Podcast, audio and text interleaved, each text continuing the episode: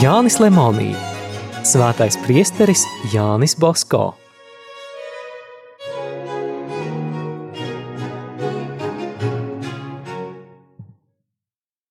Trešā nodaļa – Mazais apustulis. No 1825. līdz 26. gadam.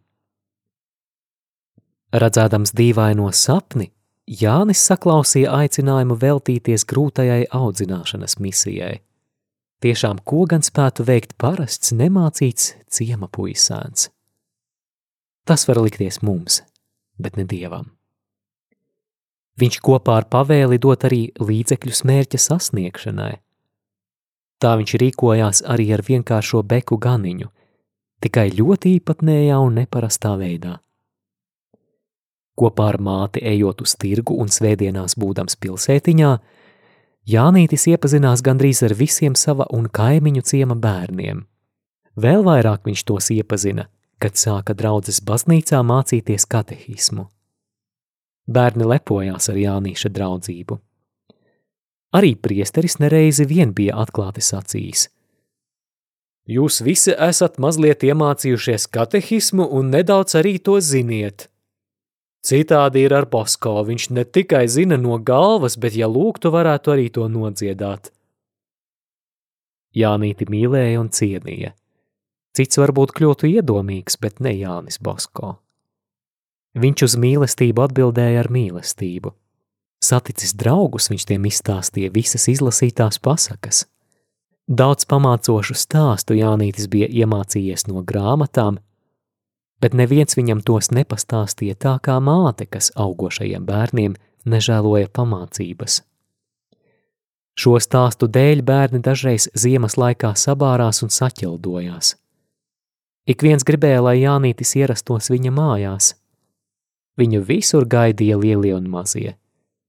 Vasaras mēnešos tādu ķildu nebija, jo Jānītis rotaļājās un pasakas stāstīja pļavā – Tur veci un jauni viņā klausoties pavadīja dažu labu stundu.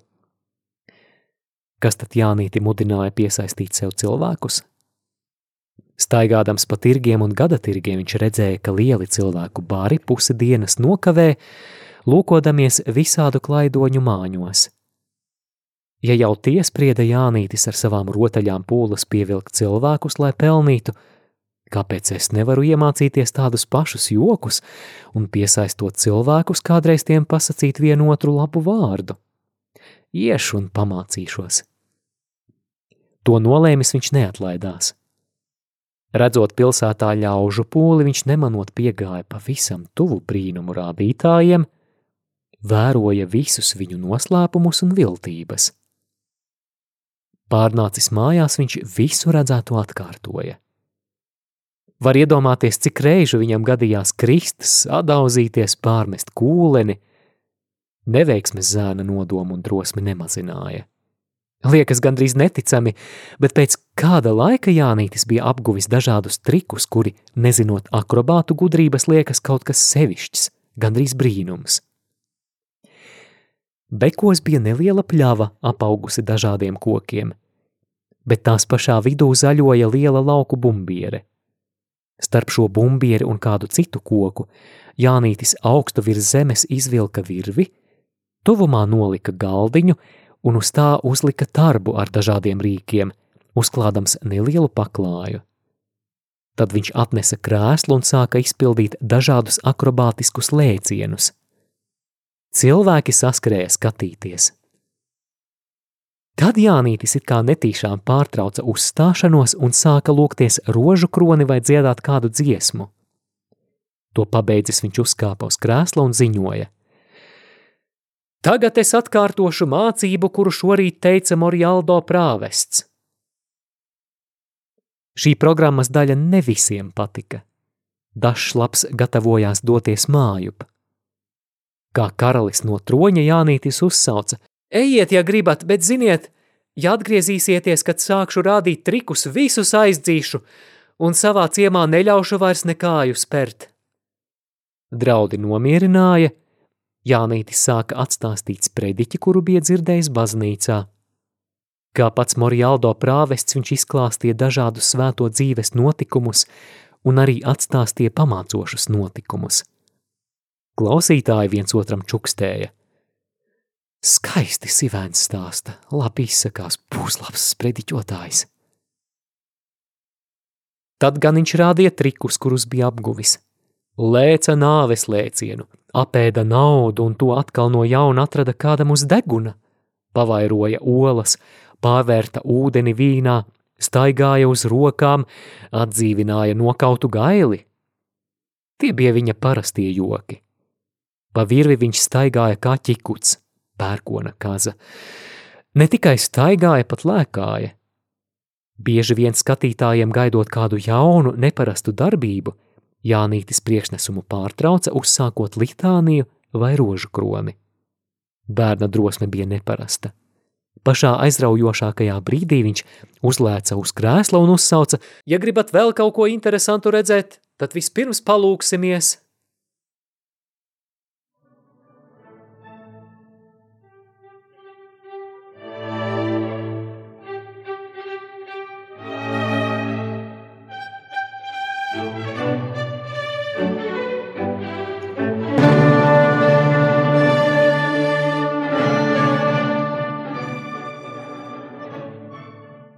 parasti bija starpbrīdis. Visi ziņkārīgie tēlotāju apstājuši, līksmoja un laiku izlietoja bez dvēseles zaudējuma. Šādi priekšnesumi ilga vairākas stundas. Saulē rietot vēlreiz palūgušies, visi devās mājās ēst vakariņas. Šajās izpriecās neļāva piedalīties tiem, kas neglīti runāja, lamājās vai negribēja lūgties. Rodas jautājums, kur Jānītis dabūja līdzekļus. Ejot uz gada tirgiem, pērkot dažādus trikiem nepieciešamos rīkus, bija vajadzīga nauda. Kur viņš to ņēma? To viņš nopelnīja pats. Ikvienu centu, ko saņēma no mātes vai radiniekiem, atalgojumu par dažādiem pakalpojumiem, to visu viņš taupīja šim nolūkam. Bez tam viņš mācēja notvert putnus, Noķēris dažādus putnus, viņš tos mēdza pārdot putnu mīļotājiem un tā pelnīja naudu. Viņš prata arī dažādus rokdarbus. Nopinis salmu platmales, pagatavojis cilpas un slazdus, zēns tos nesa uz tirgu. Lai arī daudz nenopelnīja, tomēr tukšā Jānis neatgriezās. Vakaros viņš mācījās verpt pakulas, koku vilnu, linus un zīdu. Nesliktāk par sievietēm viņš prata adīt zeķes, pīt vīzes. Sevišķi šis pēdējais darbs viņam noderēja, kad vajadzēja lāpīt pirmo patversmes bērnu zeķes un apavus. Viņš prata sagūstīt arī dzīvas čūskas, kuras pēc tam pārdeva vai atdāvināja.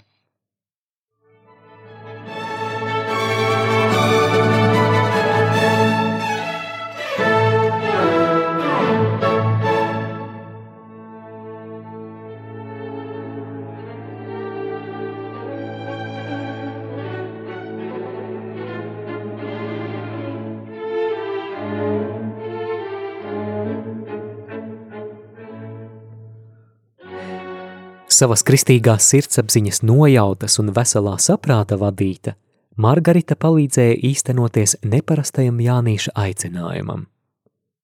Māte notiekošo vēroja, aprīnoja, bet klusēja un pārdomāja. Mazs, tikko desmit gadus vecs bērns bija autoritāte daudz lielākiem bērniem. Mācījās trikus, lai piesaistītu cilvēkus, un pēc tam varētu tos piespiest lūgties. Tas taču ir rets, varbūt pat vienīgais gadījums baznīcas vēsturē. Kad Jānītim bija jau desmit gadu, viņš ļoti vēlējās izsūdzēt grēkus un pieņemt svēto komuniju. Bet tajos laikos šos sakramentus atļāva pieņemt tikai no 12 vai 14 gadu vecuma. Kapriljo prāvests, priesteris Sismondī kaut arī labs un dedzīgs gans, tomēr seno uzskatu spiests negribēja rīkoties citādāk kā citi prāvesti. Tomēr Jānīti uzklausījis, viņš pieļāva izņēmumu un atļāva zēnam iet pie bikts bērnu lieldienu grēksūdzē. Māte to uzzinājusi, tūliņ sāka savu dēlu gatavot skaistajam satikšanās brīdim ar Jēzu, kas drīz ieradīsies viņa sirsniņā. Trīs reizes viņa aizveda zēnu izsūdzēt grēkus. Gavēņa laikā viņa bieži atgādināja: Jānīt, Dievs tev grib atsūtīt lielu dāvanu lieldienās, bet tu skaties, labi sagatavojies to saņemt. Nomazgā savu dvēseli, nekā neslēp grēksūdzē. Es visu apsolīju, Bosko raksta savās atmiņās, bet Dievs zina, vai to izpildīju. Tuvojoties pirmās svētās komunijas dienai, māte neļāva Jānītim runāt ar citiem, pati viņu aizveda uz baznīcu, pati viņu mācīja sagatavoties lielajam notikumam un pateicības lūgšanu. Pēc tam atvedusi viņu mājās, tajā dienā neļāva zēnam strādāt, tikai lasīt labas grāmatas, pārdomāt mūžīgās patiesības un lūgties, lai dedzīgi meklētā draudzība ar Jēzu nekad neatsaltu. Priesteris Bosko visu dzīvi neaizmirsa mātes vārdus. Mīļo dēliņ, šodien tev uzaususi skaistākā diena. Es nešaubos, ka Dievs patiesi dzīvo tavā sirdī. Tagad tikai apsoli vienmēr palikt viņa dēls, uzticīgs līdz nāvei. No šīs dienas bieži pieņem svēto komuniju, bet lai Dievs sargā, nedari to svētsadzīgi vienmēr visu pasaki grēksūdzē, ar vien esi paklausīgs, labprāt klausies mācības un katehismu. Vairāk par visu es lūdzu tevi, lai tu mīlētu Dievu. Nesatiecies ar tiem, kas neglīti runā. Priesteris Boskā atcerēdamies šo mātes padomu sacījis. Vienmēr atminējos šos mātes vārdus un pūlējos tos izpildīt. Man liekas, ka no tās dienas kļuvu drusku labāks, sevišķi paklausīgāks un piekāpīgāks. Lūk, pirms tam es biju diezgan ietiepīgs un pirms izpildīju kādu rīkojumu vai paklausīju aizrādījumam, izsacīju savus bērnišķīgos iepildumus.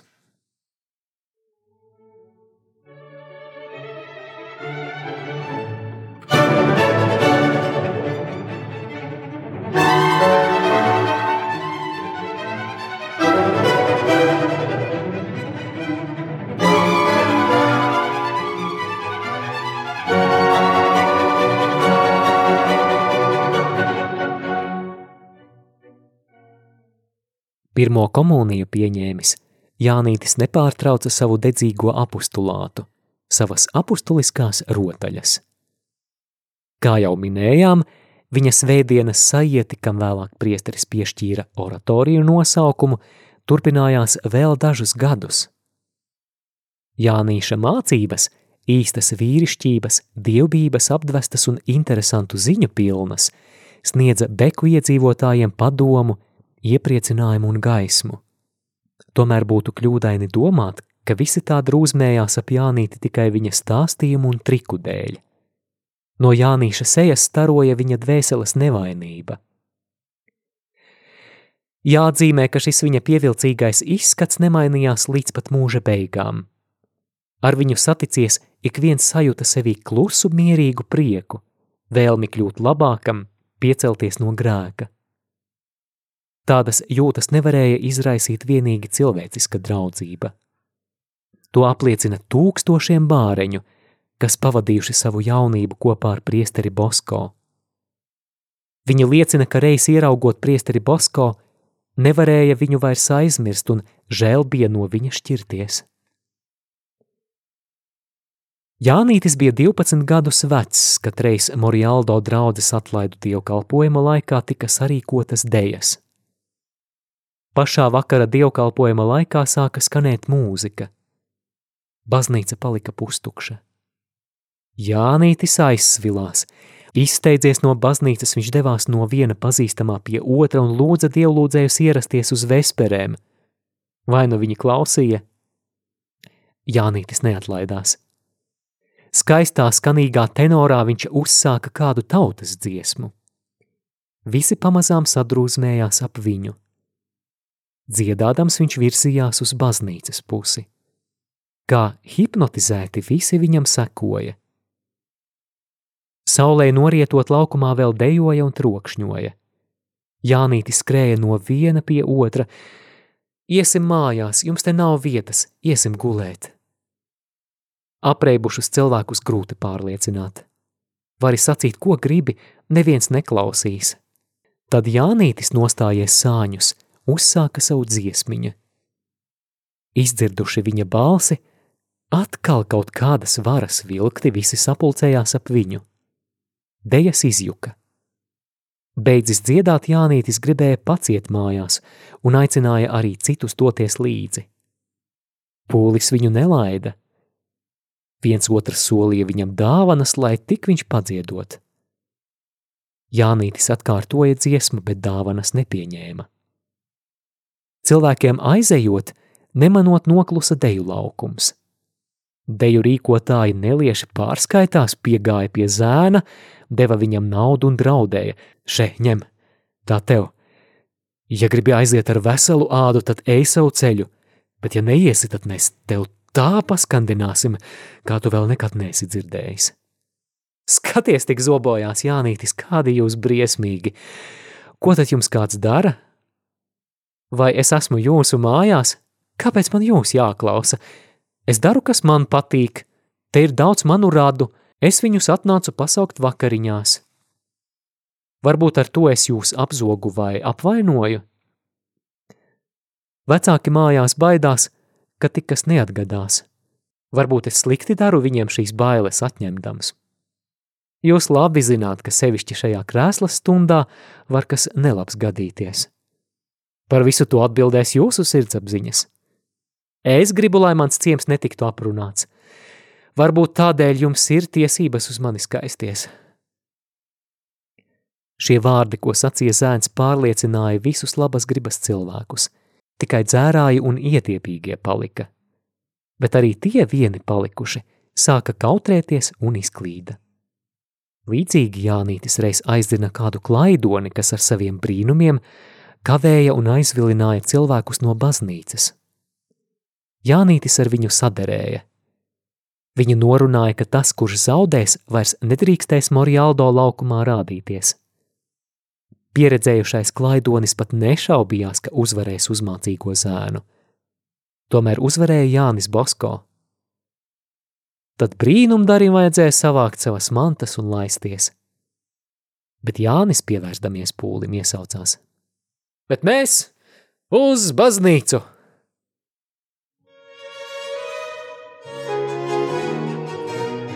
Izskanēja lasījums no Jāņa Lemonija grāmatas Svētais priesteris Jānis Bosko.